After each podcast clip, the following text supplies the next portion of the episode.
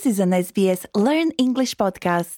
SBS 认可全澳大利亚传统所有者及其对澳大利亚天空、土地和水稻的联系和持续关注。 English on repeat. Repeat! It's easy to do. Listen and repeat! Repeat! Repeat! You'll find your way. Just say the words. You will be okay. Just listen and repeat. Repeat! Repeat! Repeat! Repeat. 大家好，欢迎收听 English on Repeat 第一集。在这一播客系列中，我们将一起提高我们的英语口语能力。今天呢，我们将探讨一些用英语打招呼和自我介绍的基本方法。我是主持人雨夜，老实说，我也需要练习一下我的英语口语了。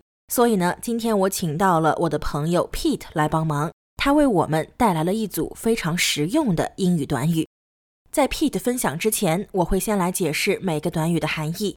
大家所需要做的就是聆听并跟着尝试。那么，让我们开始吧。Pete 带来的第一句短语的意思是：“你好，我的名字是 Pete。”大家可以轻松地将 Pete 的名字替换成自己的名字。准备好了吗？太棒了，我们一起来练习一下。Repeat! Hi, my name's Pete.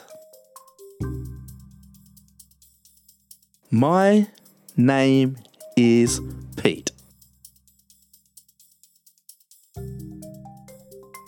Hi, my name's Pete.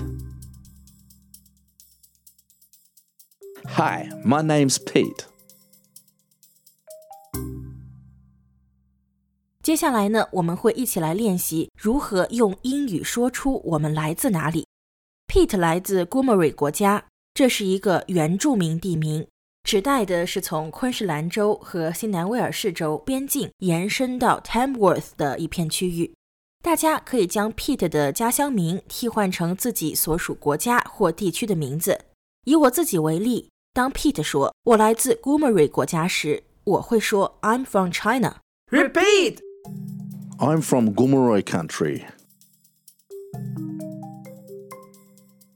I am from Gomeroi country.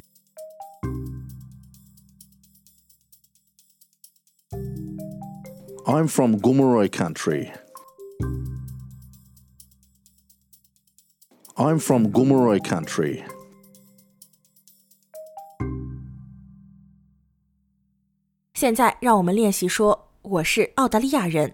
Repeat. I'm Australian. I am Australian. I'm Australian. I'm Australian. ”。很高兴认识你。 Repeat! Nice to meet you. Nice to meet you. Nice to meet you. Nice to meet you. 为了让对话更加流畅，向他人提问总是一个好习惯。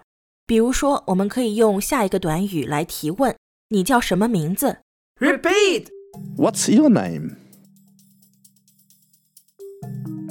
What is your name?